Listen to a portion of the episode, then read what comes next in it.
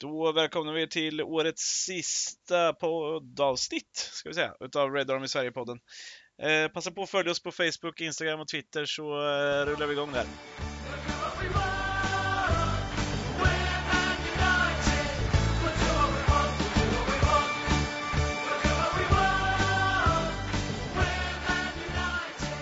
Då, eh, ja, var det dags för det sista avsnittet det här året utav eh, Red Army Sverige-podden.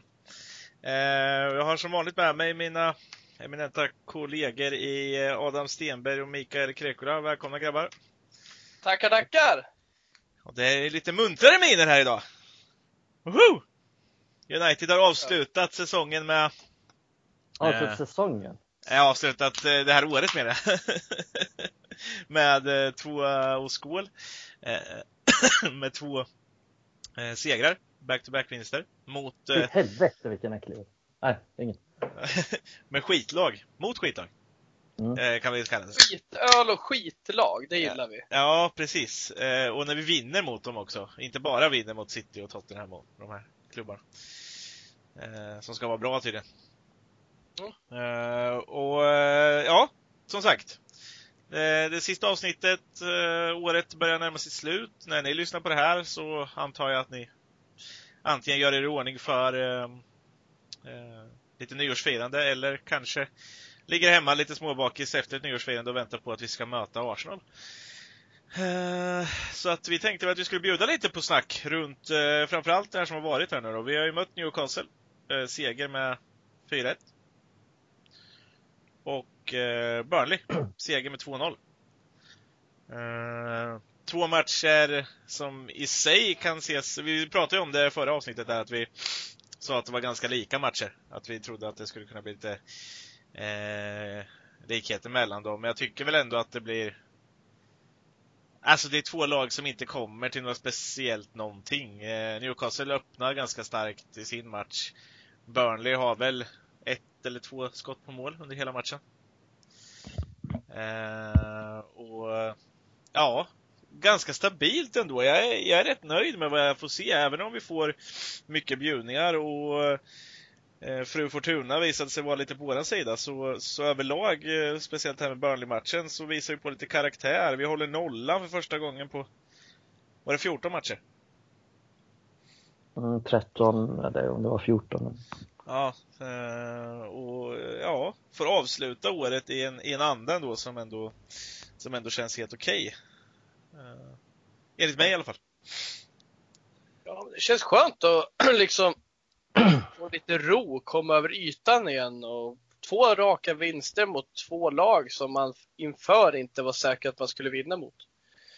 I den vardagliga logiken. Jag tycker, eh, jag tycker vi jag tycker inte Burnley är jättebra, men jag tycker samtidigt att vi gör dem ganska dåliga. De får inte till sitt spel mot oss och vad det nu innebär. Vi kanske inte är de mest eh, kliniska mot Burnley, men vi håller dem i schack och vi, vi tillåter, tillåter inte dem vara farliga. Jag tycker att vi skapar ju supermycket chanser i den här matchen. Mm.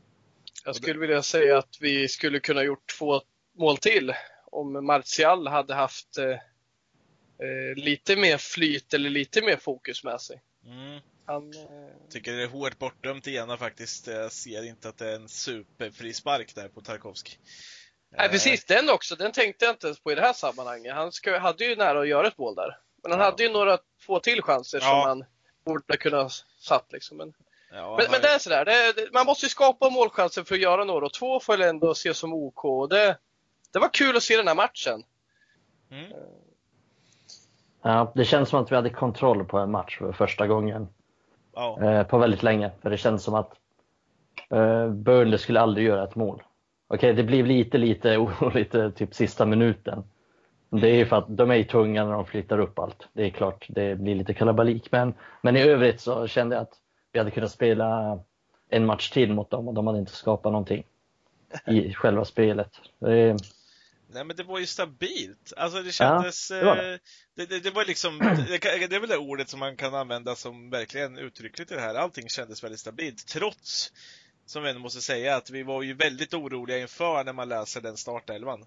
Vi väljer alltså att rotera mot ett Burnley som vi redan innan tror att vi kommer ha mer problem mot än mot Newcastle. Mm. Eh, rent på fysik. Bortaplan. Ja, bortaplan.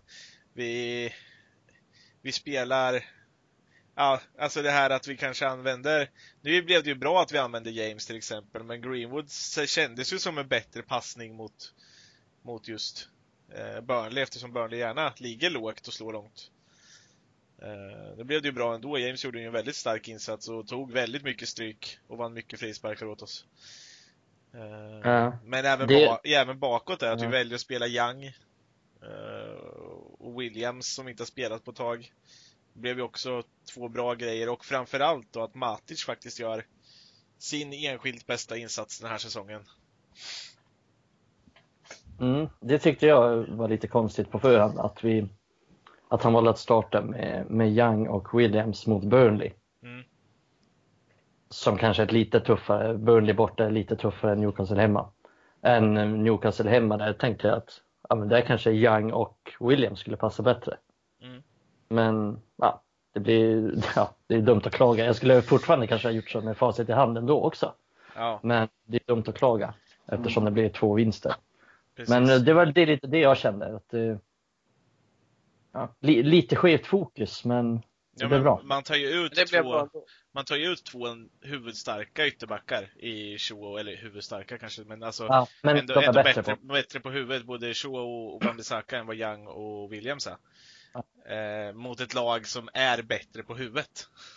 Ja, och som kommer liksom, de kommer skapa chanser genom att slå ett inlägg på bortre stolpe liksom. Där de vinner nickduell mot en ytterback. Mm. Så att, ja. Jag måste säga också att jag tycker ändå eh, i matcher där han brukar ha mycket problem så gör Lindelöf godkända insatser i båda de här två. Ja, Eh, Alltså jag tycker inte att absolut. han... Jag tycker han höjer sig för varje match nu. Mm, Han nej, men har- jag, jag tycker att han står emot mer fysiskt. Alltså både mot... eh, Alltså ända sedan Dini egentligen, för jag tycker att han gör det bra mot Dini också, även om laget i sig inte gör det bra mot Watford så, så tycker jag att han Mm. gör det ganska bra mot Newcastle med, han gör det bra mot Burnley. Maguire tycker jag tar steg också. Mm. Jag, tycker inte de blir riktigt testade. Alltså lite Nej. mot Newcastle första kvarten, då är det, det är fan virrigt där. Det speciellt det samarbetet mellan Lindelöf och Maguire. Jag tycker inte de har någon synk. Ja, Men så individuellt så heller. tycker jag att, nej, men individuellt så tycker jag, och framförallt mot Burnley är, är ju backlinjen i stort felfria.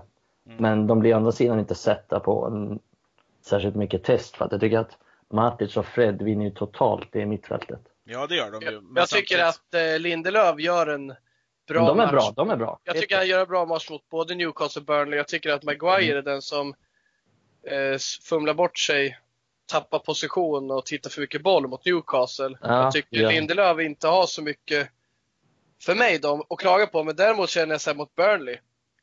Det är inte någon idé. Alltså då, då ser jag så här, ja men Lindelöf, han har ju problem på sådant lag. Då vill man nästan hylla honom. Men samtidigt Maguire, det är ju en match han ska älska. Han ska aldrig ha något problem mot Burnley. Det är Mm. inga särskilt snabba anfallare. Det är folk som kan nicka precis som honom. Han ska bara ta den. Så jag är Mm. väl glad att han gör en bra match där. Ja, Ja, han men är det- bra han- på slutet Han har mycket mer att önska, Mm. för mig, jag har mycket mer att önska om Maguire alltså. Ja, men Ja, överlag alltså- ja, men jag tycker ändå som du säger, jag tycker ändå han gör det just mot Burnley också. Han vinner sin kamp mot Wood. Mm. Och vilket det kan vi väl kräva. Ja men det ska vi kräva, men samtidigt så är det ju tungt. Det är många mittbackar. Eh, Van Dijk har ju också problem i luften när Chris Wood kommer och hoppar ibland. Eller står där och är stark. Eh, Men jag tycker de gör det rätt. Alltså när bollen kommer för lågt, ja men då står de på rätt sätt och så kommer Fred. Fan, jag gillar den där lilla brassen nu alltså. Det, Van Dijk kan ju vad som helst, han blir ändå skyddad och hyllad. ja. Så att, men eh, jag tycker Maguire, han gjorde sitt mot Burnley. Mm. Sen tyckte han var lite svagare mot Newcastle. Men han är viktig, alltså speciellt där på slutet. Det är ju sånt man inte alltid tänker på. Men när de lyfter in mycket, då är ju han där och Jajamän. tar bort Ja. de flesta. Då är ju, Och då det är ovärderligt. då var ju Matic väldigt viktig också. Ja, han är ju bra i, de, i den rollen. Det är han, får man säga. Ja. Även om jag Får man tycker ge att... den jäveln. Ja, precis. Även om jag tycker att första halvlek framförallt där mot Burnley så, så känns det lite som att de står på varandra, Fred och eh, Matic. Det är väl det som är lite problemet. Jag tycker de rör sig lite för mycket på samma ytor. Mm. Samtidigt är Fred ändå den som eh, flyttar fram boll mer. Att Matic ändå känns som att aktivt väljer att stanna kvar lite hemma. Vilket alla är glada för, för han ska inte vara någon slags bollfördelare. Men att jag, jag tycker ändå, jag förstår vad du menar, de blir lite statiska där men Mm. Fred försöker lite eh, mer än Matic. Och jag gillar att Matic inte tar för sig så mycket för han är inte den spelaren. Och jag menar visst, vi ska vara offensiva mot Burnley men med, med Matic på planen när vi vad heter det, roterar, då vill jag inte att han ska ta för sig för mycket. Mm. Vi har haft matcher där mot typ så här Colchester mot Astana säger vi när, alltså Colchester, jag vet inte om vad spelar nu, men alltså när Matic tar för sig för mycket på plan. Det blir fan inte bra alltså när han ska hålla på Nej, och styra bolltempot. men jag tycker det blir men- bättre i Mm. andra, eller tycker du inte det? Alltså jag tycker Fred kommer upp lite mer i andra och ligger lite längre fram. Och, Det- Ja, ja, och- ja absolut. Mm. Det, absolut, och jag tycker att Matic gör det enkelt. Mm. Det är därför jag tycker personligen att han har blivit bättre nu än vad han kanske var i slutet på våren eller början på hösten. Att jag tycker han, han tar mycket enklare beslut. Han sular inte så mycket på bollen. Han håller inte på och fintar och grejer och ska liksom leka Allan i dalen. Han tar enkla beslut, one touch ofta. Jag tror han har fått en instruktioner för han är inte tillräckligt bra längre för att hålla på och finta och eh, kroppsfinta som han gjorde förr, där vi älskade när han kom. Han är Mm. jävligt trygg med bollen, han ger ett lugn i spelet. Nu tycker jag att han ger lugn i spelet när han liksom kör väldigt enkelt, passar direkt, försöker hitta Fred direkt eller ut på en kant. Så Mm. därför tycker jag att Matic var bra i den här matchen. Han har någon slags självinsikt som, som Exakt. funkar bra här. Han, han vet vad han klarar av och vad han inte klarar av och så spelar han efter det. Och han, nej men jag håller med, han, han blir en stabil pjäs i, i vissa matcher. Och det här matchen funkar han bra i, det får man ge cred till Solskjaer Mm. som, han, har inte jättemycket alternativ Nej, förstås, det- men Ja. det föll väl ut. Ja, man hade ju kunnat stressa in Pogba den här matchen. Jag ville ha in Pogba. Och det är ju lätt att säga Mm. att man inte behövde Pogba när vi vann, men ändå, han måste ju ändå ha sett någonstans att det här är en match i tempo som Matic klarar av. Och jag kan säga att det är inte många matcher jag vill ha in Matic i, men med korten på bordet så var det ändå rätt att låta han starta så som matchen led. Mm. Ja men det är, väl, det är väl klart att det var, det var ju rätt. Eh, sen så som sagt så vill vi nog inte se honom mot Arsenal till exempel. Där kommer det gå lite för fort. Nej, fan det är helt fel match för honom. Ja. Det håller jag med om. Han kommer bli uppkäkad av det, här av det tempot. Ja. Burnley-tempot passar honom. Passar Ja. honom jävligt bra. Han är trygg i det. Men i en sån här match mot Arsenal, om man då får för sig att börja tänka lite extra, börja liksom komma tillbaka till det han haft lite förut när han ska hålla på med sina kroppsfinter, då kommer han inte klara det. Frågan är hur man ställer sig då. Liksom. Men det kommer väl till sen på Arsenal-forumet. Precis.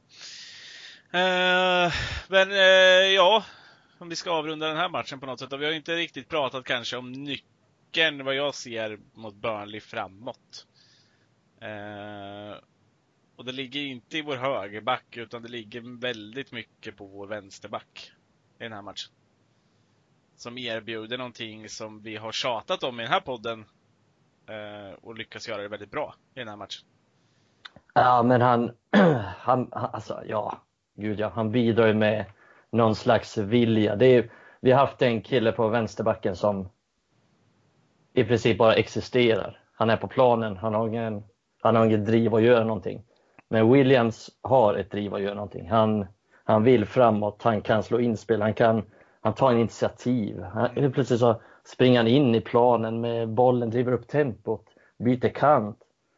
Han, han bidrar med saker som Shaw bara kan drömma om i nuläget. Han är, nej, han är, han är fantastisk i den här matchen måste säga, för att han är i princip felfri bakåt. Han har inte jättemycket att göra, men han vinner någon viktig duell Mm. och så. Men hans inspel är ju bättre med vänsterfoten än vad Shaws är med rätt fot. Mm. Det är ändå anmärkningsvärt. Sen har han ju han, är också, alltså han bidrar ju så mycket med, med ytor till andra eftersom han alltid kommer på överlapp. Vilket inte riktigt Shaw gör i alla lägen. Så att, äh, jag tyckte det, det var en stor skillnad och vi anföll ju, speciellt i första halvlek så var det ju mest från vänsterkanten vi, vi skapade grejer. Det var, det var mycket tack vare honom, helt ärligt. Man, kan säga att Williams ställde frågor både till Burnleys försvar och till eh, Luke Shaws framtid. Mm. Mm. Och Nej, men han känner- ställde frågor. Det är det man behöver. Man behöver Mm. alltså, vi måste kunna variera oss. Vi måste kunna utnyttja andra delar än bara liksom tjonga upp den på de tre där framme och hoppas att de ska göra någonting. Mm. Hans bolldistribution, ja förlåt, kör du Jonas. Nej, men, alltså, jag tänker också för att han får ju Rashford att bli Rashford. Rashford att bli mer eh, eh, inblandad i spelet också. Om man jämför med Newcastle-matchen bara lite snabbt. Så är ju Rashford inte riktigt... Han gör ju ett mål, men han är ju ganska borta från hela den matchen. Men när Williams är sådär framfusig och, och, och vill driva framåt hela tiden och faktiskt skapa någonting. Han slår ju passningar hela tiden som ändå ska ge oss någonting. Eh, det är ju inte alibi-passningar allihop, utan det är ju oftast passningar som ändå ska skapa någonting. Då blir ju Rashford mer inblandad. Och ju mer Rashford blir inblandad, ja, då- det är ju en av våra mest kreativa spelare. Blandar vi in honom mer i spelet, det är klart vi skapar mer också. Och jag skulle vilja utveckla det med att säga att så som eh, Williams eh, distribuerar bollen framåt i plan, att han gärna kan ha alternativet att bryta inåt i banan med Mm. sin högerfot. Det tror jag till och med kan gynna Rashford i, uppspe- i kontringar i uppspelsfasen. Istället för att ha en vänsterback som hela tiden slickar linjen där Rashford vill vara kan man kliva in till höger och då släppa fokuset lite från Rashford. Så jag tror det kan bli bättre för det har snackats lite om det är bra eller inte att vara högerfotad. Och det är såklart inte optimalt men jag tror faktiskt inte det är något som kommer göra att Williams lider nämnvärt om Uniteds spel börjar funka. Nej, Nej, för- han, han har ju bra inspel med vänsterfoten, vilket vi såg. Alltså han har en bra vänsterfot. Det är inte Greenwood-klass med fel fot, men han har en väldigt bra vänsterfot. Och det är, Ja. ja. klart, han, den skulle kunna vara bättre. Han skulle kunna vara snabbare, han skulle kunna vara längre. Ja, men ni fattar. Såklart, allting kan bli lite bättre, men det är inget som kommer sänka honom. Liksom. Det är, Den är bra nog. Det är inte så många backar i, den, i den åldern i Premier League som slår sådana inlägg som han gjorde mot Burnley. Och visst, Nej, han får chanserna till Jackson inlägg. klass. Absolut, jag tänkte säga Bortford Jacksons eh, bananinlägg han gjorde där i någon match. Mm. Det var väl enda assist han gjorde, det var en fantastisk jävla skruvat Ja, inlägg. han hade marken, någon typ. match där han... han Så en eh, halv meter ovan marken, eller hur? Mm. Ja. Nej men eh, det, känns, det känns ju spännande. Och det känns ju som att får han mer sådana här lägen som han fick mot Burnley, nu är de rätt dåliga så vi kommer ju till inläggslägen. Mm. Men när vi blir bättre och han får slå inlägg, ja det kommer bli både bättre än Young, eh, Shaw och AVB. Mm. Vilket Mm. det är nu att jämföra med, men det är fan en steg, eh, bit på vägen alltså. Ja, det är det. Ja, sen får vi inte glömma att han, han ska egentligen eh, visa ut Phil Bardsley, Mike Dean. Mm. Eh, det är ju Williams som utmanar honom två gånger och han fäller honom. Och det ska vara två gula kort, men sen är det ju Mike Dean som dömer och jag orkar inte ens komma in på hans insats som domare i den matchen. Nej, alltså att han ger... Inkonsekvens i sitt eh, SM. Ja, men han var så jävla dålig, allting. Ja, och det, är, fram och slänga upp ett gult kort till Williams där. Det är patetiskt att ens göra. det är Alltså. så jävla arrogant i det läget. Också. Ja, och att VAR inte visar ut Ben Mi. eh, och Nej, det är ju sjukt. Men vet ni vad? Det dummaste av allt, det är inte att VAR inte vis, visar ut Ben Mee. Det var att Mike Dean ger han gult kort. Mm. Han värderar det ögonblicket som gult kort. Det är inget han missar. För missar Ja, han han det, då ger han inget Han kort ser det. alls. Han, Han ser det, han tycker det är gult kort. Vilken jävla sopa han är alltså. Ja. Det är fan inte okej. Det där är livsfarlig tackling. Mm. Ja, det är, fan, det är Jag säger livsfarligt. så här, jag hade inte sagt att han är sopa om man missar, för alla kan ju missa grejer. Men när han bedömer det som gult kort, då är han Mm. fan inte kompetent nog. Nej. Nej. Eh, eller så är han feg. Det kan ju också vara andra svaret. Ja. Nej, men, men för, det, är han, det är han inte.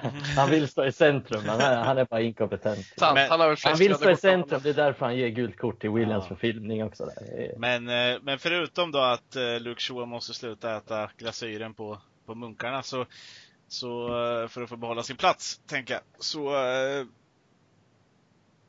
så tänker jag, vi har, vi har ju inte varit inne riktigt på att eh, vi, vi får ju rätt bra bjudningar i de här matcherna. Och eh, Martial gör det ju väldigt bra, han gör ju mål i, eh, i båda kamperna. Eh, men det är ju rätt mycket bjudningar. Båda frilägesmålen han får, även om det är bra avslut och han chippar in den mot Newcastle och han rullar in den mot Burnley så, så är det ju ändå bjudningar. Även om jag tycker att Burnley-matchen där så är det ju Pereira som gör ett extremt välgjort pressjobb på Taylor. Och sen en bra passning in också. Eh, och eh, ja. Det, dit jag vill komma i det här diskussionsämnet bara snabbt är väl egentligen att är det någonting som skräcker oss eller är det liksom ändå, jag tycker ändå som du säger i början där Adam, att det är vi som ändå framställer mycket utav, eller laget som framställer eh, de här misstagen. Inte bara att de bjuds på utan någonting. Ja men om vi, vår, vårt pressspel hittills är i någon slags basic nivå. Då kan vi sätta dit lag som Newcastle och Burnley med vårt pressspel när det funkar. Mm. Men det krävs för mer för att vårt pressspel som vi vill ha det ska funka mot bättre lag. Och det känns ju som att absolut mot både Newcastle och Burnley så sätter vi dit deras eh, försvar, deras speluppbyggnad med en hög press och, vilket gör att vi får ett mål. Och så kan det gärna få fortsätta. Men eh, jag ser inte någon tendens till att det ska fortsätta än. Men jag ser att vi är på gång där liksom. Ja, för tittar man på Greenwoods mål så är också det en bortbjudning. Men det kommer ju från att vi sätter ett, en bra lagpress. Att alla delar är med. Och att eh, de då försöker spela sig ur istället för att skicka iväg bollen. Uh, och då gör uh, Kär som gör något. Vet inte vad, vem han ska passa till, men han passar den ju rakt till Greenwood och han smäller upp den i ribba in. Mm. Jag har en teori här. Det, kan det vara med det tajta matchandet att spelare gör mer misstag? Alltså spelare är trötta, de är inte vana att spela. De är vana med tufft spelschema, men så här tufft är de inte riktigt vana med. Mm. Kan det ligga något i det? Ja, absolut. Såklart, det kan... Eh, ja, för jag ville, jag ville se mer av det här Uniteds pressspel. Alltså, nu, nu är jag ju cynisk här. Jag tänker bara, ja, det är bara den här matchen, det är bara den och den. Jag vill ändå se sånt här under en längre tid och det hoppas jag få se. Ja, vi kan ju inte dra några slutsatser över att det här kommer fortsätta bara för att vi vinner de här två. Men, men det lämnar ju ändå något hopp och lite som du sa förut, det är dumt att gnälla när vi vinner två matcher.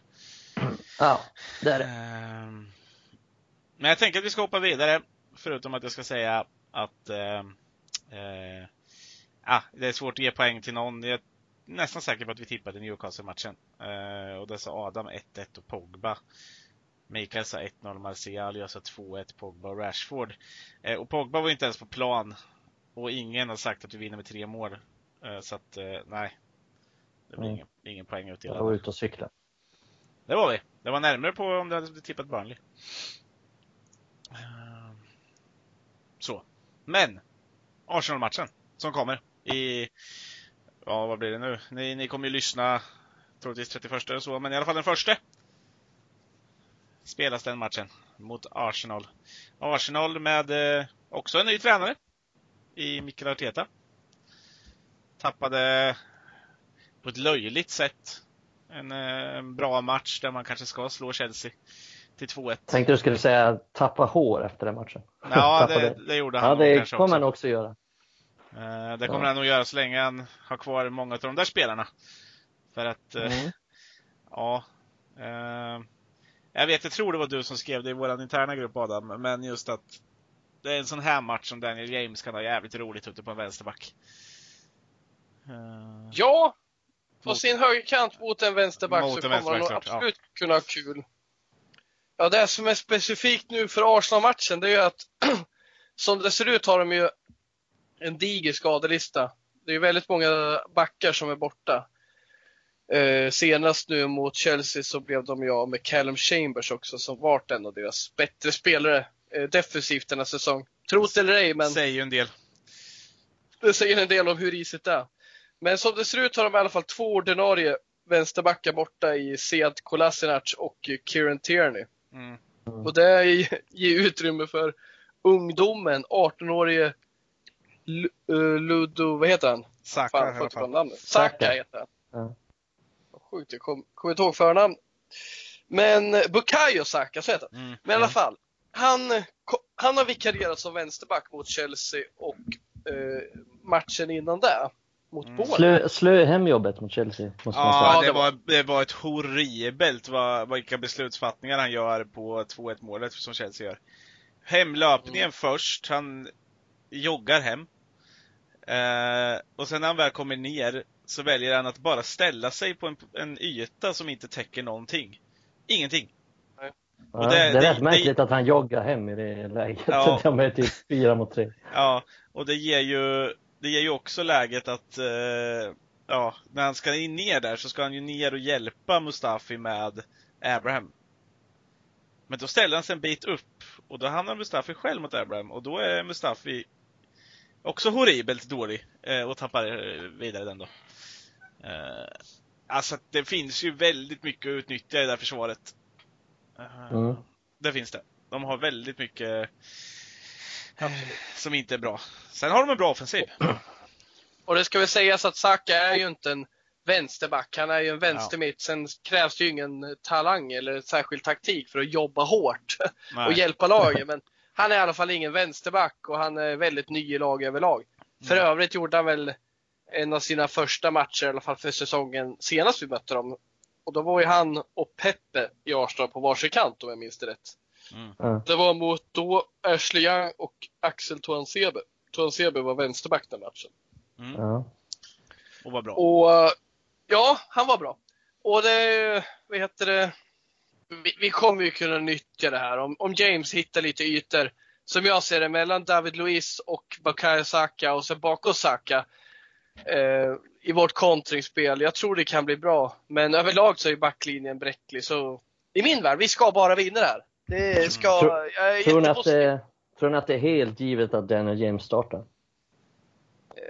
Ja, Det helt borde givet, vara men, det eh, mot, eh, Men, mot men ska vi då följa logiken och jag tycker inte alltid Ole är logisk. Nej. Borde han inte startat James mot Newcastle då? och Sen typ Greenwood mot Burnley för att vila James? Ifall Greenwood knackar på dörren så att säga.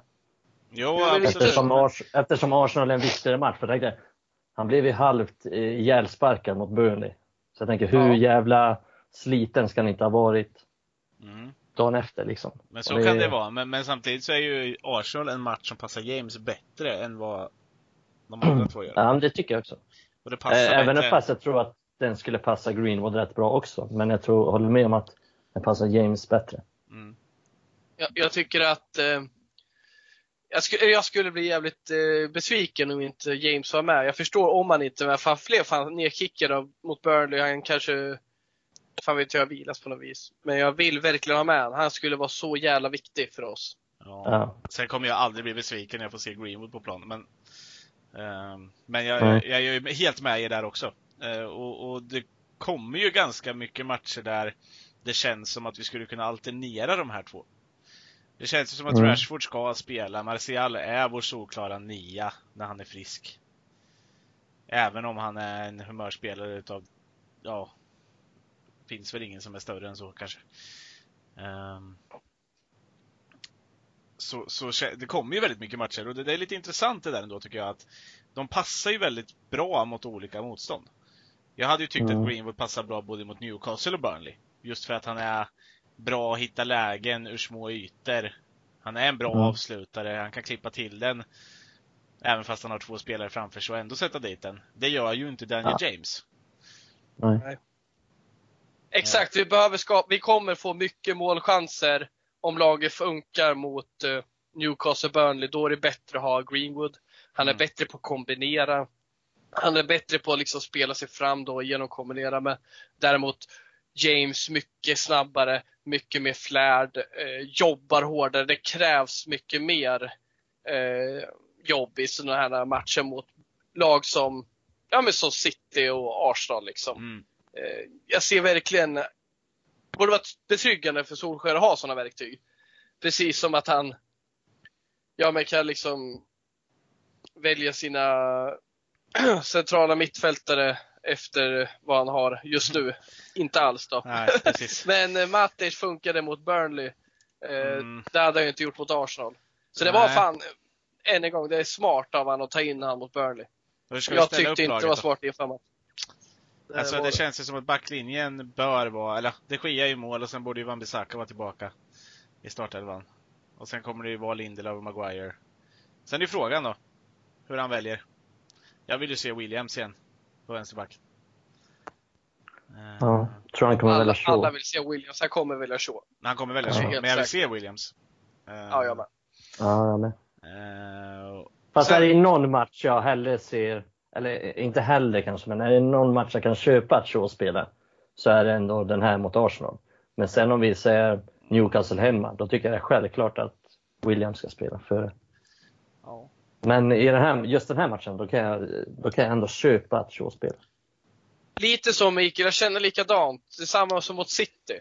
Vi är inte lika, vad ska man säga, vår offensiv är inte lika begränsad med en defensiv vänsterback som Nej. Shaw i en sån match. Då Nej, behöver typ vi de tre mot- på topp. Ja, men typ mot City borta. Det är inte så att Williams skulle göra så stor skillnad, alltså göra saker offensivt som Shaw inte skulle i den matchen för att då kommer vi inte upp med hela laget i samma utsträckning. Är, vi hinner aldrig komma upp med alla. Liksom. Så då blir inte vänsterbacken så... Nej, Fast samtidigt är jag så här lite... Det kan väl vara att jag ser det ur ett annat perspektiv. Jag är ju fortfarande inne på det här att det ska vara en satsning där vi ska ta fram ungdomar. Och då måste han ju få spela de här matcherna också. Ja, Eh, Jag håller med. eh, Ja, Ja, jag, jag håller med, men Men det här är nu jag, liksom jag kan köpa det. Ja, jag, jag kan också köpa det. Jag vill se Williams som start. Jag hade inte blivit ledsen. Men jag blir inte ledsen heller för att han startar Shaw i den här matchen.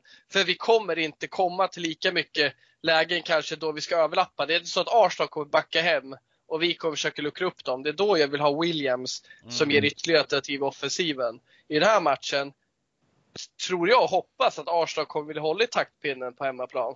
Mm. Och då att Rashford, James Martial och den som spelar nummer 10 eh, får exponera sig främst. Liksom. Ja, jag tänker så här, när vi gör mål mot Arsenal, när vi gör det första målet, då kommer vi ha typ fyra, fyra spelare på offensiv planhalva. Resten kommer vara på egen plan, för det kommer vara en omställning. Ja. Det, det är vad jag tror och jag hoppas att matchbilden blir så, för det skulle passa United jävligt bra. Då är det svårt att se United inte vinna den här matchen faktiskt, om jag ska vara helt ärlig. Mm. Ett tidigt mål, det låter klyschigt, men det är fan viktigt i den här matchen. Mm. Alltså det är inte, jag tror inte det är självklart att eh, det är lite som, eh, jag har väl inte klart minne, det kanske inte ni heller, men det är lite som matchen i höstas. Det var lite ställningskrig. Det var liksom ingen som riktigt tog tag i taktpinnen och helt plötsligt fick vi till ett mål. Mm. Så fortsätter det andra. Eh, jag tycker att, eh, jag tror inte det kommer bli eh, ett lag som backar hem och det andra. Det kommer bli lite ställningskrig, vem som tar över. Och det här första målet, får vi till det, då kan vi, som du sa Mikael, ligga sex stycken defensivt och sen liksom gå på kontring. Då kommer vi ha en stor jävla chans. Vi ska ha stor Mm. chans. Så då, men släpper vi in ett tidigt mål och Arsenal får backa hem, ja då är man ju inte lika säker. Men då blir Ja. ju det här att hur vi ska ställa upp. För att det, alltså, laget känns ju så här, ja men det är frågetecken vem som spelar vänsterbacken som spelar, eller det kanske inte är frågetecken, det blir nog så, men och vem som spelar högerytter då. Det Eller- finns några frågetecken. Eh, skulle säga ja, men, men alltså, jag menar, frågetecken. jag bara säger, de, de två är ju frågetecken. Eh, och sen är det ju, och det som jag tror kommer vara den viktigaste punkten, det är hur vi formerar vårt innermittfält, tian och de två sittande. Jag är ju helt säker på att en av dem heter Fred. Eh, Ja, det kan vi nog vara säkra på. Eh, och sen är ju frågan då. Jag vill inte se Matic där. Eh, det finns en chans att han spelar, men jag vill inte se han där. Eh, och sen är frågan, är Pogba tillbaka? Det kommer bli Fred, Pogba och Lingard. Tror jag. Mm. Och jag vill inte se Lingard. Nej, men jag vill nog se Lingard ändå tror jag. Jag förstår, jag förstår alla, vet du, jag har läst på Twitter och allting sådär också, att det, men, men han har varit bra de här matcherna mot Arsenal, han har trivts mot Arsenal, absolut. Han löper mycket och kan vara nyttig i sånting. Men det, ja visst, han har ju gjort det bra poäng, alltså några poäng i andra turneringar och så, men det är ju för dåligt poängdelning på den killen. Det händer Mm. ju ingenting och kolla bara när han kommer in mot eh, är det Burnley när han får den där bollen snett inåt bakåt och han får ju inte ens iväg bollen. Han ställer sig på bollen. Ja, han borde drämt till den direkt där. Ja, Eh. och det måste man ju kunna göra, men han är, han är ju så ur form.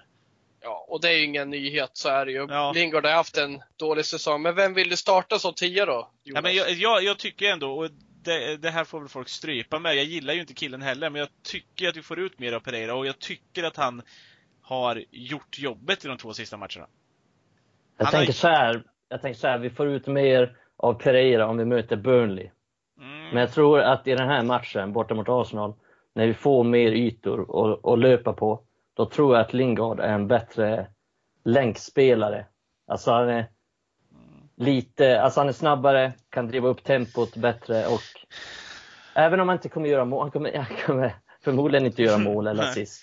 Nej. Men han kommer ändå, alltså vi har inte så jävla mycket bättre alternativ. Det är det Ja, jag men jag är ju inte, jag är inte övertygad alltså. Jag, och grejen är att jag jag vill ändå premiera att, alltså ska vi ändå ha de här spelarna, då vill jag premiera spelaren som ändå har gjort det godkänt. Det, det, det, är min känsla. Och han har gjort jobbet. Han har varit med i pressen, han sätter pressen bra, han har till och med vunnit oss ett mål mot de här två skitlagen. Visst att det är skitlag. Och han har jobbat och han har ändå, sen är det hans beslutsfattning, men det är beslutsfattning på alla de här tiorna vi har. De är ju horribelt. Alltså all beslutsfattning på Lingard och Mata och Pereira har ju varit riktigt dåligt. Eh, och då skulle man ju vilja ha Pogba där, men jag vill ha Pogba som, som sittande för att slippa se Matic. Ja, i den här matchen så kommer det nog bli Pogba som sitter eftersom ja. vi inte har så mycket andra alternativ. Vi kommer ju tillbaka lite på det här med verktyg också för vissa matcher. Jag tycker att Lingard passar mycket bättre i sådana här matcher just för att han, inte för att han skapar poäng eller mål, det gör han ju inte. Det finns ju statistik på sånt. Men som han var, vi snackar om en av de bästa matcherna vi gjort det här decenniet i, i derbyt mot City. Så som han är med och länkar och vänder upp när vi kontrar jag ser ju inte att Pereira gör det riktigt när vi liksom är nedtryckta mot Arsenal. Vi ser att vi leder med 1-0. Då ser jag att Lingard är lite mer rolig att ha på plan. Sen eh, förstår jag ditt, eh, din farhåga med honom på plan. Han har ju inte rosat marknaden direkt. Nej, och jag trodde ju ändå att han var på G, för jag tyckte att han var okej okay mot City. Han var, eller okej, okay, han var bra mot City. Men, eh, och att han var bra i cup, alltså även att vi torskade mot i Europa League där mot de där. Eh, Astana. De, Astana ja. Så var ju han ändå bra där och där började man ändå se någonting. Han fick göra det där målet. Men, men ja, jag vet inte. Jag, jag har tappat förtroendet för Lingard totalt alltså. Sen så ja. finns det ju en anledning. Jag, jag håller med dig. Jag förstår vad du menar Jonas. Jag har tappat för, fullt förtroende för Pereira. Alltså. Ja. Alltså att han gör två bra matcher mot Burnley och Newcastle, vilket han ska ha cred för, det säger ju inte mig att han är någon att starta heller. Nej. Så jag förstår vad du menar. Det, det, det, är ju, okej, okay, vi, vi, diskuterar ju här i och för sig har vi spenderat fem minuter och diskuterat pest eller kolera. Lite så känner jag också. Mm. Eh, Men jag tänker så att, att det Lingard bidrar med, som inte Pereira kommer bidra med, det är ju alla de här kontringarna som vi gjorde så bra mot City. Där tycker jag faktiskt att Lingard är en nyckel. För att han får bollen, han vänder upp med ett tillslag. Han är snabb, han är snabb framåt. Och sen är det ingen svår passning. Han slår liksom. Han slår en vanlig passning ut på ytan till Rashford eller James. Men han gör det mycket bättre än vad Pereira gör, tror jag. Och det är därför... De här fem touchen som Pereira hade tagit, de är okej okay, ja. Burnley.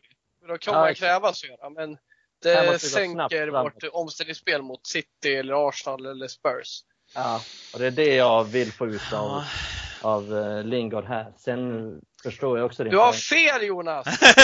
jag är inte ja, övertygad, jag är så jävla... Jag är så... Jag, jag, jag, jag Men du har fel! Nej! Käften! Nej.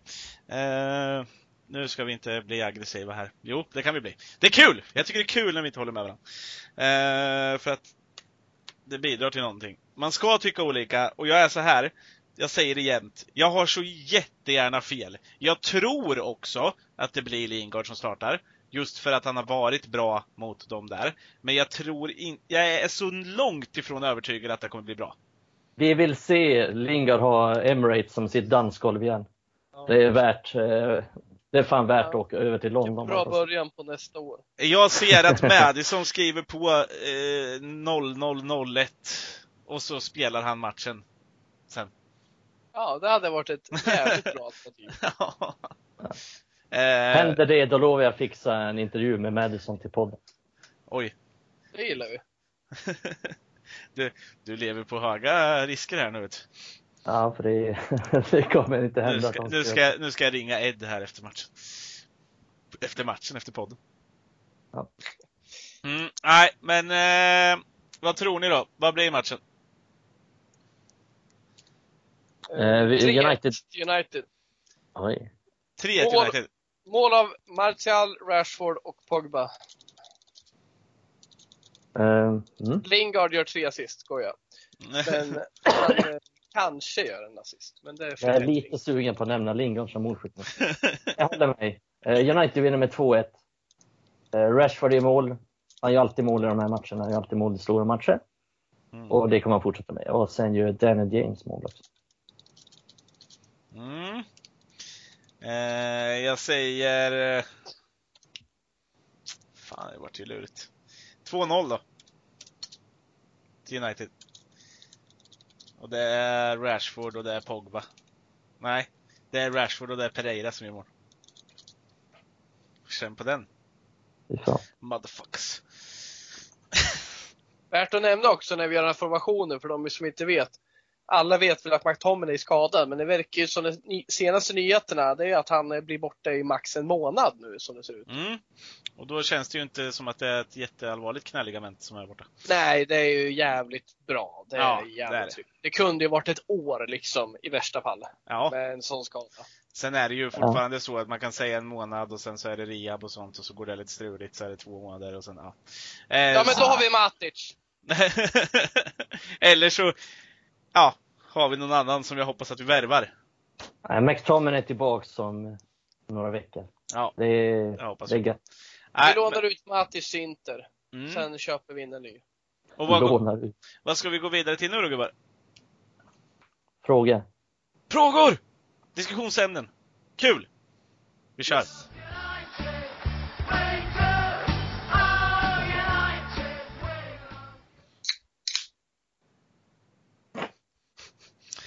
Frågor, frågor, frågor, frågor. Kör vi igång med frågor. Yes. Eh, och vi har kategoriserat upp era frågor lite. Och jag tänkte att vi, vi kör dem lite ut efter hur de, hur de är. Men vi, ja, vi är inte så förvånade, men att vi har fått lite silly-frågor, det kunde man ju tänka. Eh, Ja, det är ju januari snart. precis. Om, eh, Kanske när ni lyssnar på den här så är det januari och då är ju fönstret öppet. Precis, så då får vi se. Vi vet ju att vi inte fick någon eh, Erling Haaland.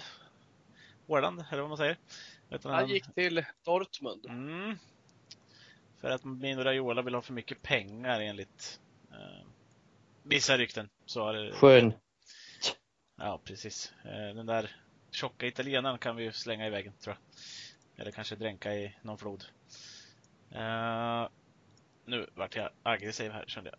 Eh, men vi kör igång. Eh, vi har först här Mikael Alexander Engvall på Facebook. Vilka spelare tror ni själva kommer lämna under januarifönstret? Mm. Den har vi varit inne och snuddat på lite förut. Själv Mm. är jag fortfarande så här att jag har ju trott att Matic eller Pogba skulle lämna, men fan, Raiola har varit ute och sagt grejer och sådär att jag är fan inte så säker längre att Pogba lämnar, men det är lite... Ja, vad sa jag? Vad sa jag till er? Ja, men var tyst nu. Var tyst Fan, nu. lyssna på mig Låt mig prata klart. Okej. Men, spelar han mot Arsenal så kanske han blir kvar. Lite så känner jag. Spelar han inte mot Arsenal så tror jag han lämnar. Jag kan säga så här. Ett, jag är besviken att ni ens lyssnar och, eh, vad ska man säga, tror på det Raiola säger.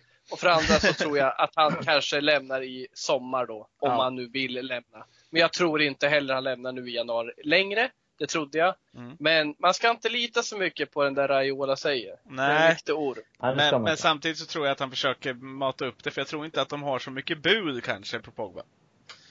Eh, och därför så Eftersom han har varit skadad så tror jag inte han är så het på marknaden och därför så vill han försöka få det att framstå som att han är United trogen. Och genom det få spela och kanske göra en decent andra halva och med det skapa lite mer tillgångar till, eh, till sommaren. Alltså så, lite mer bud. Ja, jag tror till sommaren så kommer förmodligen ett bud. Men jag tror inte att jag tror inte ens att något lag lägger något bud nu. Nej. Real, att- Real ska ju ha sagt till Zidane att han inte kommer få någon Pogba, utan att de ska satsa på Valverde. Ja, ja, så kan det ju vara. Så att det, är- det är inte säkert att det finns så jävla många klubbar som vill ha honom heller. Nej, och så som han menar, vill liksom gå till har- också. Alltså som, Ja, exakt. Det ska ju vara, då ska det vara Han vill- Juventus, Real Madrid. Ja. ja, om man ens vill till Juventus. Det är, Men Jag, kan, inte- alltså jag ska ändå kunna tänka mig att han skulle kunna gå dit om nu Real absolut säger nej. Att här finns det Ja. ingen chans att vi värvar dig. Nej. Men det känns ju mest typ, det är Real Barca. Han, Mm. annars så tror jag inte att det är så jätte, jätte, jättemycket het alternativ. Nej. Men om vi ska gå tillbaks till de som lämnar så tror jag att ganska trovärdiga rapporter har gjort att Marcus Rojo kan få lämna. Om, mm. det, om det är någon som vill ha honom. Det känns ju, Eh, känns ja. ju logiskt. Jag trodde ju ändå att Matic kanske skulle få lämna, Ja. men, men eh, någonting Kanske. säger mig att eh, om vi, ja, får vi in en eller två innermittfältare, då kan nog Matic få gå. Ja, exakt. Ja, alltså, allt beror det på det. Allt beror på det. Mm. Och Men- Rocco, den känns, jätte, den känns självklar på något vis. Däremot är ju han, alltså man vet ju inte med hans skadeproblem han har nu, hur länge han är borta. Men är han redo nu och liksom kommer igång så borde han ju kunna hinna lämna innan eh, månadens slut, januari då. Mm. Mm. Och lite i det här så fick vi in också bara Patrik Johanssons eh, fråga. Han ska, kommer Pogba lämna? Så det svarar vi ju lite på här också. Ehm, Emil Brorsson skriver på Twitter att vi måste skeppa Pogba. Det är väl ingen fråga kanske, men med ett statement. Eh, och det måste vi ju inte. Det är väl superbra att behålla Pogba den här andra halvan av säsongen. Ja, det tycker jag. Eh, Ja. Sen vet man ju inte, det är så jävla mycket snack alltså. Ja. Det är, vet vi Ja. säkert någonting? Nej, det vet Jag, jag jag vill ändå inte gå ut och säga allt för mycket utan att Nej, alltså det får ju folk ta vet. här att vi vet inte allt.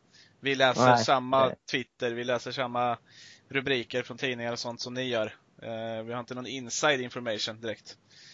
Eh, Nej, men jag tror inte på allt som, som skrivs om honom. Det är Nej. klart det är lite luddigt. Förmodligen så vill han ju inte vara kvar, men vi vet ju inte. Så jag tänker inte börja såga honom.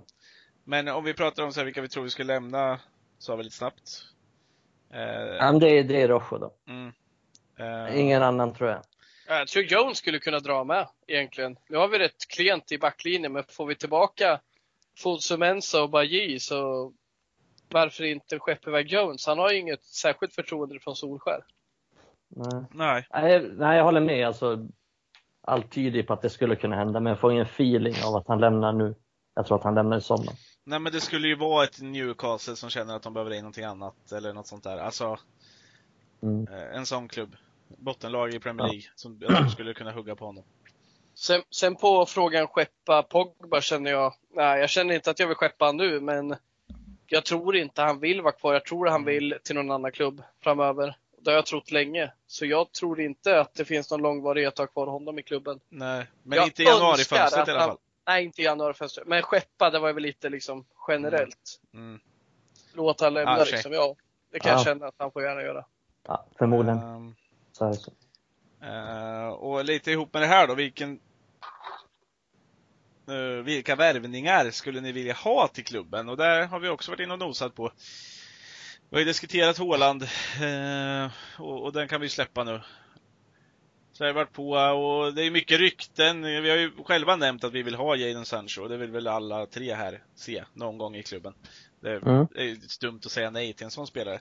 Och många, många grejer, det är ju rykten som går, alltså så är det ju. Men att det skulle kunna vara någon form av att eh, Dortmund fick värva Haaland så United kan ta Sancho. Vilket också kan låta sjukt, men kan Ja, men säkert, jag, skulle kunna jag finnas något. fattar inte logiken i det. Nej, jag fattar Kan någon inte helt. förklara det för mig? Nej, men logik, Nej, jag kan inte det. Jag kan inte det. nej, men Det är logik, så här, någonting jag läste skulle logiken ha varit om, om att, jag käkar spagetti köttfärssås ikväll så får jag sluta tidigt imorgon på jobbet. Var så här, ja, jaha. ja, men att de ville in en, någon Det är annan lika så, jävla ologiskt. yngling så, eh, som är lovande. Och fel position. Ja, men på en annan position. Men och sen skulle de börja spela Hakimi mer som högerytter då. var ju det som var tanken. Nej, vi släpper det. Fan, det, det Ja, men det var det jag läste. Alltså så, att de Ja. vill eh, fortsätta med honom och kanske försöka köpa loss honom då. Men då hänger det ju med att de kan köpa loss honom från Real Madrid. Eh, så att det är ju, det är ju alltid sådana där, det är ju så här pussel man ska lägga i silly i tider. Ja, men Att de värvar den här och de köper den, då kan de köpa den och sen så fortsätter den här jävla spiralen. Eh, men om vi, vi säger någonting vi kan få in. Alltså jag, jag måste säga helt ärligt här, jag har ingen jävla aning. För det, det är ing, i princip inga inne mittfältare som ryktas till United. ja, Och det är där jag ser, ja, men han vill inte ha. nej, och det är ju, Gedson Fernandes i eh, Benfica. Jag ska inte säga ja, det, det är ett rykte som kommer nu, men Mm. jag har inte fått någon känsla av att det har blommat upp något större Nej, kring det. Utan det det, är- är bara lite så här, Och det är en spelare som är bänkad rätt mycket i Benfica, så att ja. ja, nej, det är, det tycker jag är lite märkligt. För att det är en, en inne mittfältare eh, är det som behövs just nu. Sen på sikt behövs det lite mer. Typ Mm. en, En tia. en tia och en Jag, jag skulle gärna kunna ta en innermittfältare eller två, eller en innermittfältare och en tia. Jag hade Ja. inte blivit ledsen om vi högg eh, Eriksen som är på utgående kontrakt. Nej, Nej. Det hade kunnat varit en bra lösning och en lösning Jävligt kompetent mittfältare och det har tydligt synts på Tottenham när han hoppar in att det blir skillnad i deras spel. Mm. Han kan både spela som tia, ja exakt, han kan, spela ytter, han kan kliva ner som sittande mittfältare när man ska vara lite mer offensiv. Mm. Så det inte är lika eh, vad ska man säga, labilt att ha en offensiv spelare på centralt mittfält. Eh, jag skulle se honom komma in i klubben. Och det känns ju inte lång, eh, långt ifrån heller.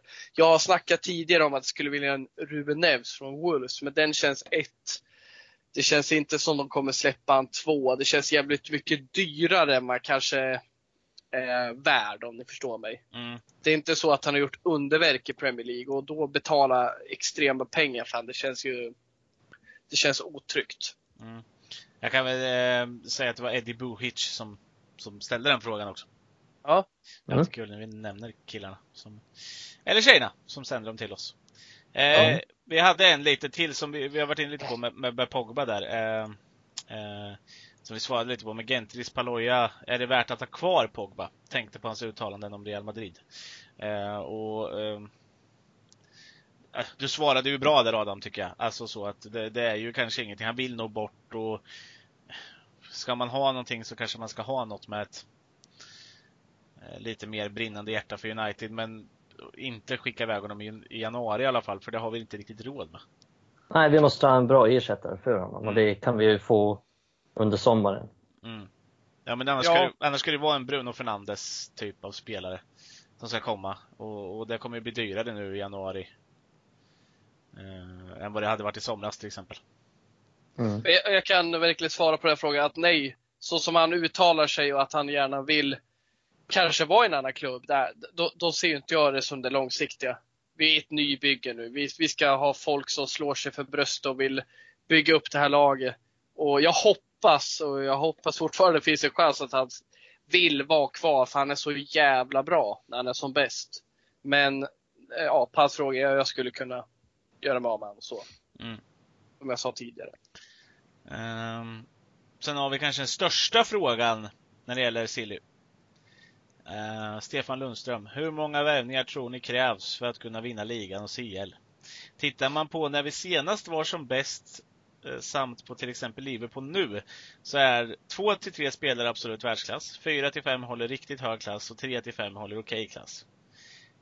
Det vi saknar enligt mig är 1 till 2 världsklasspelare och 2 till 3 riktigt högklass. Men hur tänker ni? Det där tycker jag är en jävligt intressant fråga. Mm. Jag vet inte vad ni har för relation till så här, typ VM-biblar eller Premier League-bibel inför säsongen. I alla fall, man var ju fett kåt på sådana en gång i tiden. Mm. När eh, den eh, analoga världen var som mest tilltalande. Men när man tittar då på trupper, liksom man ser fyra, fem, fem plus spelare i Sportbladets eh, bibel. Då ser man att de här är chans att vinna ligan. Så vi har idag, vi har en, en fem plusare. Mm. Vi har Harry Maguire på 4 plus liksom. Vi har, vi har Martial på 4 plus, men egentligen kanske han har 3 för att han är borta halva säsongen. Mm. Och Rashford är 4. Citerar du Liksom- Sportbladet nu? Ja, det gör jag. Fan, de har fina biblar en gång i tiden i alla fall. Jag Ja, läser men dem alltså, äh, läser du dem från, eller hittar du bara på de här fyra? Nej, plus? men nu är det bara generellt. Det skulle kunna vara något från Expressen med, eller Ja, ja, ja. eh, fan vet jag. Nej, det är ingen citering av dem. Men alltså, om man ser det till det. Vi behöver ju absolut ha in några spelare. Och det kommer ta en stund. Men hur lång tid det tar och hur mycket, det, det är svårt att säga men jag skulle säga att vi ska inte räkna med att det går fortare än max, alltså det kommer minst ta tre år. Räkna med fem år innan vi är där i toppen. Mm. För vi har precis rivit ner det gamla. Nej, förlåt, inte rivit ner. Vi har börjat demontera det gamla. Mm. Och vi fortsätter demontera det och snart kan vi bygga upp. Och det kommer ta ett tag. Och vi kanske inte ens har samma tränare, men i alla fall det kommer ta tid. Och med det kommer världsspelare. Och som jag känner, vi har en enorm potential att kunna göra i alla fall två eh, spelare till eh, femstjärniga och då ser då Greenwood och Rashford. Men det är ju där också, för det, det, det tror jag många glömmer bort är ju att vi har en fruktansvärt ung trupp. Mm. Eh, jätteung, verkligen. Vi är yngst i Premier League, alltså startelvesmässigt eh, till mycket, mångt och mycket. Eh, Mm. De flesta omgångarna. Jag tycker vi har en jättebra grund. Mm, vi har en Ja, bra grund det, det har vi inte riktigt haft de senaste åren. Vi har inte haft en bra grund de senaste åren. Inte alls en Nej. bra grund. Men nu, nu har vi det för första gången och det är jättepositivt. För då är det lättare att bygga någonting. För då kan man plocka in två spelare där och på så sätt ganska snabbt komma upp tror jag. För jag tror att Rashford, Martial, Greenwood, James. Det alltså det är spelare, liksom, alltså den konstellationen. Den kan bli absolut världsklass tror jag. Det kan Så bli. Men jag tror ju så här, till Ja, exempel, vi har, en, vi har rätt bra grund. jag håller ju med eh, Adam där om att jag ser att Rashford och Greenwood skulle kunna bli 5 plus spelare eller så. Mm. Eh, och, men Martials topp tror jag ligger på fyra. Alltså förstå mig rätt. Men, men Ja. jag tror aldrig han kommer bli mer än det. Nej, Eh, men det är ju till exempel Men Firmino däremot, däremot Liverpool. ja men precis, man behöver ju Han är väl inte en också. som gör 40 mål. Han har väl han har inte ens gjort över 10 mål den här säsongen i Premier League. Nej, Vem då, Han är- Firmino. Nej, nej, nej. Och, nej. så att till exempel, det gäller ju också att hitta rätt spelare som passar in i, i bygget som fyller sin roll. Sen behöver inte den spelaren vara... Sen kan han vara en komplementspelare så att säga. Mm. Typ som under Ferguson hade ju rätt många sådana. Precis. Och det kommer man alltid behöva och det är lite som, som du har sagt, vet jag Adam, att den James till exempel inte kanske är den där startytan vi kommer ha om två år. Nej, Eh, och så är det ju. Sen så skulle vi ju kunna ta enormsteg i att det kommer gå lite snabbare om vi skulle nå Champions League till nästa säsong. Eh, ja, nästa säsong kan vi nå Champions League. Ja, men jag- alltså, vi, vi skulle kunna, alltså jag menar att vi skulle kunna ta en Champions League-plats i år. Den är inom räckhåll. Skulle vi göra det, vilket kanske inte är alltså förväntat efter utgången och hur det har sett ut, så har vi redan hoppat ett par steg. För då kan man genast locka några spelare till att bara, ja fast vi kommer ändå spela CL nästa år. Eh, och, då, och då kan det bli lättare att locka vissa spelare, förstår du vad jag menar? Ja, absolut. Mm. Det kommer ju öka den koefficienten. Sen ser inte jag det som rimligt att vi når Champions League i år. Jag förväntar mig inte det, för det är Nej. fan svårt. Men, men det skulle kunna gå. Alltså det ser ju inte helt hopplöst ut eftersom de andra klubbarna också sviktar. Ja, sen har Europa League också. Ja. Ehm, Precis. Det är ju vår främsta chans fortfarande enligt mig. Mm, nå Mm. Och, det, och det är det nog. Men, men det går ju fortfarande. Det är mesta jag Ja, ja. menar. Alltså så. Det är Allt ju, går ju. Vi kan ju vinna Vi li- ligan fortfarande. vi, ja, men vi ligger ju inte Arsenal-mässigt till för att ta en Champions League-plats. Alltså om jag bara jämför med något lag. De är ju 13 poäng efter något sånt där. Nej, du tänker poängmässigt. Jag tänker liksom hur bra vi är som lag. Vi är Mm. långt ifrån Champions League i min värld, men jag förstår vad du menar. Ja, Poängmässigt absolut, men Ja. och jag tycker inte det- Chelsea nej. som har fjärdeplatsen imponerar på mig mer än vad vi gör. Alltså så sett. Inte nu. De har ju visat sina svagheter nu ett par matcher. Ja, absolut, jag tycker inte Chelsea är superbra på något sätt. Det är inte, men det är inte det som är det största problemet. Det är att United inte heller kommer gå superbra. Nej. Det är det, det jag tror. Absolut. Eh, vi ser, ja, vi ser varje typ, varannan omgång att våra toppkonkurrenter tappar, men så gör vi det med. Ja. Liksom. Mm. Eh, och vi hoppar vidare. Du sa någonting nyss att vi kanske inte kommer ha eh, samma tränare. Och nästa kategori är Ole. Eh, dels så får vi från Ja just det, Stefan Lundström bara som klart som sa den här på Facebook. Eh, förra frågan vi fick. Eh, och eh, på Facebook har även Håkan Johansson och Rickard Högman ställt två frågor. Eh, den ena är ju, är Ole rätt man för jobbet? Och det kan man väl pussla in med att tror ni att Ole har hittat rätt taktik mot sämre lag? Eller har han bara haft tur mot Newcastle och Burnley? Eh, vi har ju pratat rätt mycket om det här om Ole är rätt man för jobbet och eh, vi har sagt att han är rätt man för uh, ombyggnation. Men kanske inte rätt taktiskt och vi tror att till exempel Pochettino skulle kunna göra samma jobb fast bättre. Eh, får jag gissa så tror ju inte jag att vi sitter här om ett år och eh, liksom Solskär har byggt upp där och hittat sig grej och så. nej. Jag hoppas det. Ja, för jag tycker han har gjort ett bra jobb nu i början och jag tycker att, alltså med att bygga om laget. Mm. Det, det är ganska enkelt så. Det är inte så jäkla mycket mer imponerande. Jag hoppas han kan göra det, men jag ser det inte. Jag skulle inte sätta mina pengar på att han eh, sitter kvar om ett år. För det gäller att leverera hela tiden. Och jag tycker att det, det sker för många felbeslut överlag. Jag tycker varje match är det någonting som strular. Om det är taktik eller laguppställning eller byten. Mm. Ja, Och Och så är är det supportrar. Man hoppas ju att allt ska gå bra, att Ole är den som ska ta oss till toppen. Men skulle jag satsa mina pengar på det, det, det, gör, det gör jag ju inte. Nej, och det är väl lite ingen det. riktig stabilitet i det heller. Utan vi kan ju vinna en match och så blir vi jätteglada och positiva. Men sen kommer ju nästa match och då är det Watford borta. Då är det förlust igen. Mm. Det är för många sådana. Det, det känns som att det, vi går i, en, i ett ekorrhjul här och bara det är samma sak som händer hela tiden. Nu har vi två raka segrar men får vi se hur länge det håller också. Jag tror inte heller att Ola är rätt man i slutändan. Men Nej. Ja. Och sen får vi se lite, vad får han för stöttning utav den här inkompetenta ledningen vi har där uppe? Eh, Ja. Rent sett i... Förmodligen lika lite som eh, de andra tränarna har fått. Mm. Eh, det jag är lite rädd för med Ole, det är att han, han är nog inte den tränare som kommer säga ifrån på riktigt. Vilket gör att den här inkompetenta ledningen som försurar vår klubb, denna vidriga ledning, de har ju en fördel då, tror jag, att ha en tränare som Ole som inte kommer säga emot. Han, eh, vi, en sån som Mourinho sa emot och det satte honom i kistan i slutändan. Men Mm. eh, jag hoppas att Ole kan börja säga emot för liksom blir inte det här fönstret som Ole vill. Det är ingen idé att Ole sitter i tyst och hoppas på kvar sin roll. Stå upp mot de här jävlarna. För de har försurat oss tillräckligt länge nu. Mm. Och det, ja, alltså, ja. Vår klubb är ett skämt med dem. Precis. Ett riktigt skämt. Och det är ju lite tyvärr... eh, Och det är inte bara Woodward som snackar om hela tiden. Det är ägarna, Glazers. ja, alltså det är grejen är att Wood. Woodward är ju ingen fotbollssnubbe.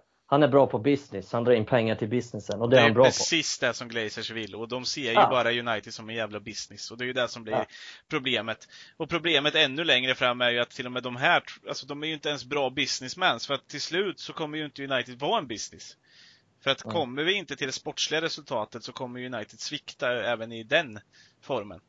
Kommer inte få de stora reklamavtalen. Vad ska de ge stora reklamavtal till ett mittenlag i Premier League för? Alltså så sett. Nej. Det, det är bara Nej, dumt precis. och de har ju behandlat klubben som en påse skit alltså. Eller som ett annat bra uttryck, en påse skridskor. Eh, och jag kan inte förklara det uttrycket just nu, men det är kul. Mm. Nej, det är fruktansvärt. Så är det bara. Ja. Mm. Ja, men just det här att eh, taktiken mot sämre lag, och nej, alltså det är inte det att han har hittat rätt taktik. Han har haft tur mot de här lagen, absolut. Laget har gjort det bra. Pressspelet har funkat mot eh, Newcastle och Burnley och på det sättet har vi kunnat utnyttja deras brister. Eh, och Ja, och som du sa Jonas, mot Mm. Newcastle så passar det jävligt bra för oss att de gjorde mål tidigt. Mm. Det kändes hemskt att vi redan efter typ 10 minuter eller 15 minuter släppte in mål och Matty Longstaff satte dit den. Men det gjorde också att vi vaknade till liv tidigt. Mm. Att eh, både spelarna och Solskär fick göra en förflyttning och fundera på hur vi skulle vinna matchen i ett tidigt skede. ja, Inte i 60 minuten. Nej. Och det gynnade oss. Så den matchen passade oss. Sen tycker jag Burnley, jag tycker vi gör en jävligt bra match och där Mm. har Solskär en sta, stadga.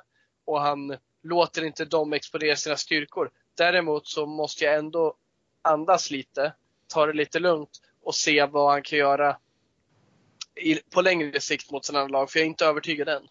Ja, och se hur målen kommer till mot till exempel Burnley.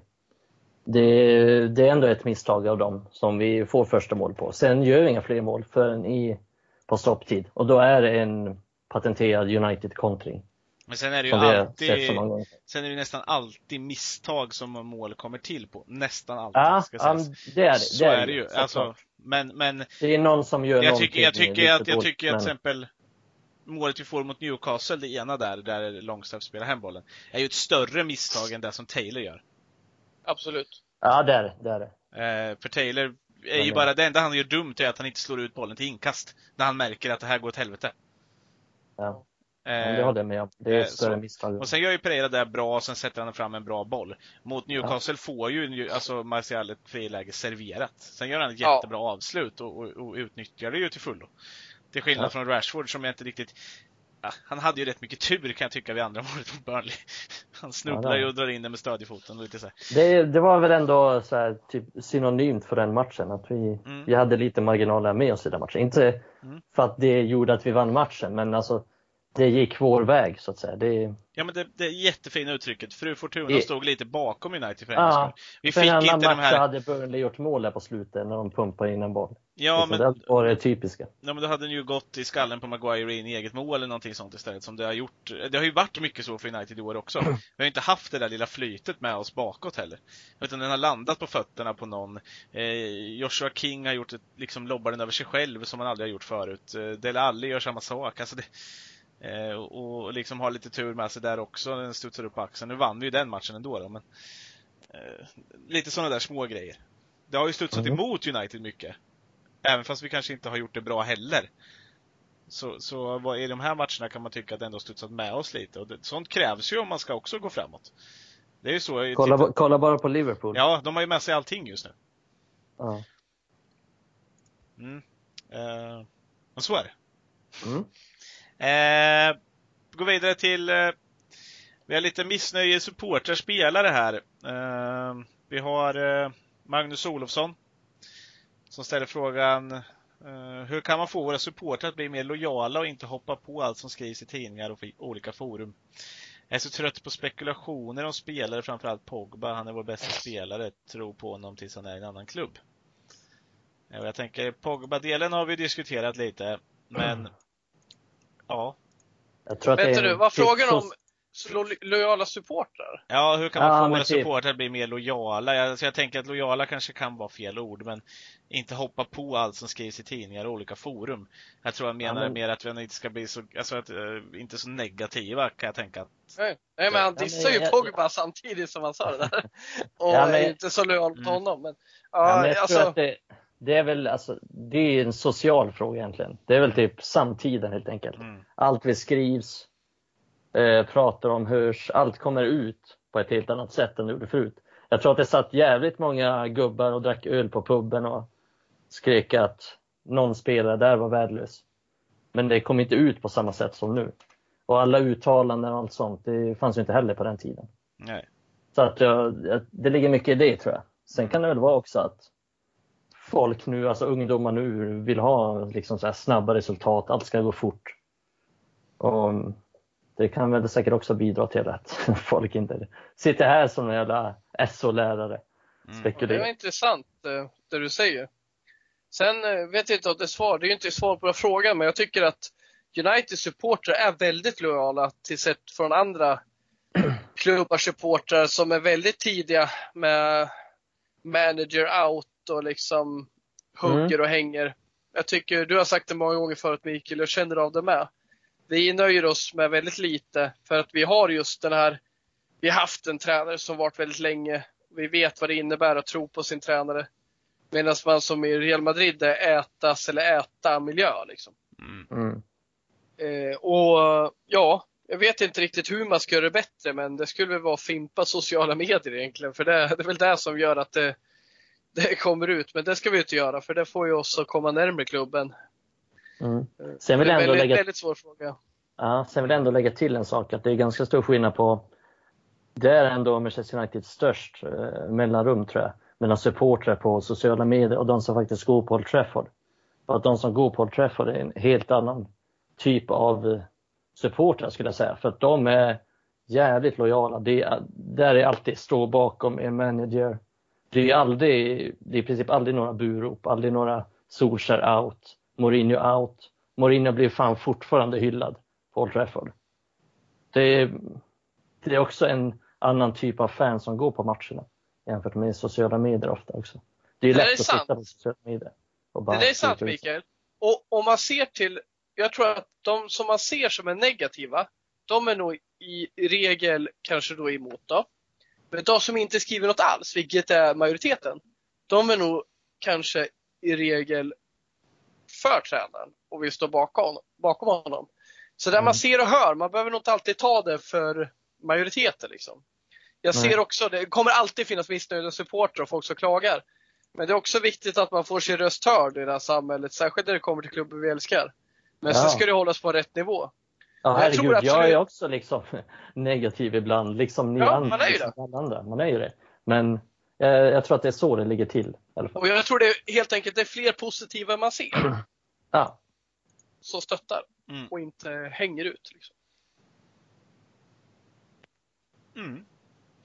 Eh, vi får eh, försöka, jag tänker att vi ska försöka klara av de här sista frågorna också, men vi får eh, försöka hålla det lite kortare gubbar, eh, så inte tiden rinner oss ur händerna. Uh, Meron Merité, borde Williams vara första val som vänsterback i United? i de flesta matcher, ja. Sen kan jag köpa att han startar mot Arsenal borta. Men Newcastle hemma, Burnley borta, ja. Absolut. Eh, och United till I die, här kan du väl få glänsa då. Är Greenwood vänster eller högerfotad? Eh, jag? Eh, han, är, han är vänsterfotad, men han är som sagt, det är en bra fråga eftersom han är i princip lika bra med högerfoten. Mm. Det är rätt kul för att han, han tar ju straffar nästan alltid med högerfoten. Och det gör han ju av vidskepliga skäl. För att han, någon gång när han var ung så missade han någon gång med vänsterfoten och så tänkte han fuck it, byta till höger och så satte han den med höger och så har han fortsatt med det. Mm. Så att, och sen tar han ju också frisparkar ibland med högerfoten och ibland med vänstern lite beroende på vilket läge som är bäst. Men jag tror att han föredrar, jag tror att han föredrar lite, lite mer vänsterfoten. Det känns så. Sinnessjuk begåvning. Mm. Ja, Verkligen. Klassavslutare och eh, ja, det är svårt att inte se likheterna mellan honom och Robin van Persie. I många skeenden i alla fall. Ja fantastisk avslutning. Eh, roligt inlägg som van Persie drog iväg där också om att han skulle lyckas för att han gjorde allting som han gjorde.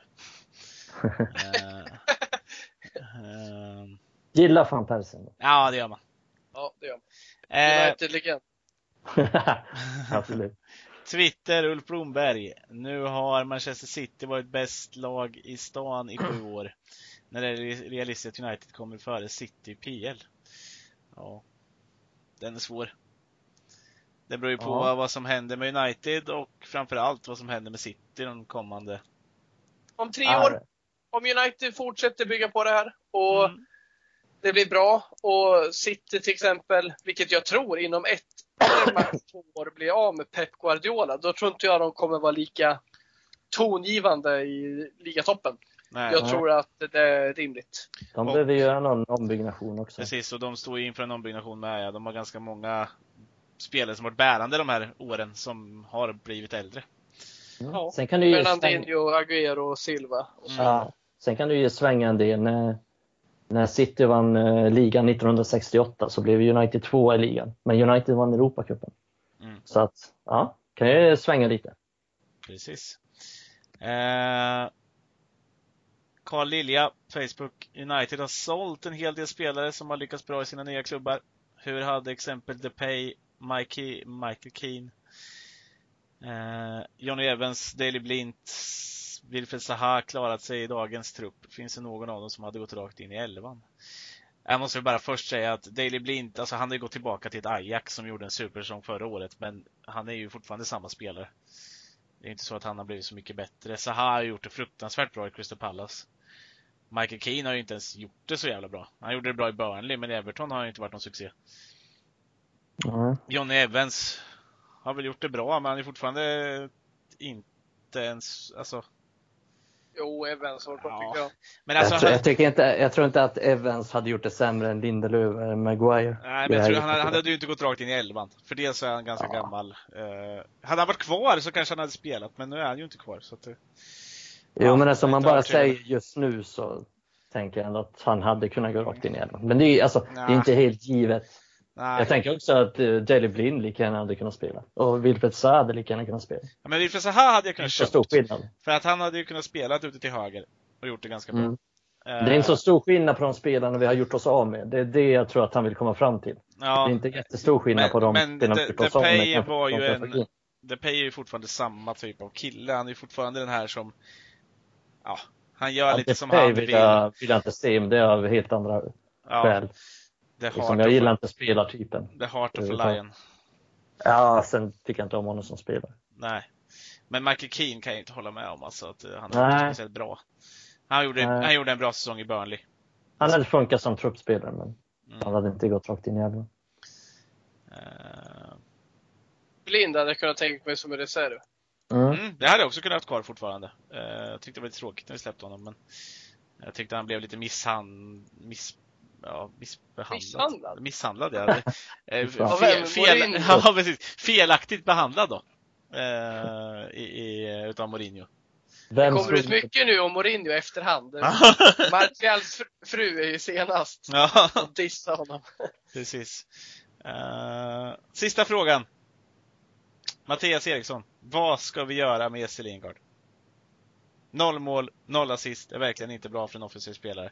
Och då måste vi lägga till att det här är ju i ligan. Inte i kupper och sånt, för där har han ändå gjort poäng. Nej, Och det är ju bara intressant att visa vad som händer i ligan, för annars slår ju inte det där resonemanget så väl. Nej, Jag känner att Lingard är ingen spelare för startelvan.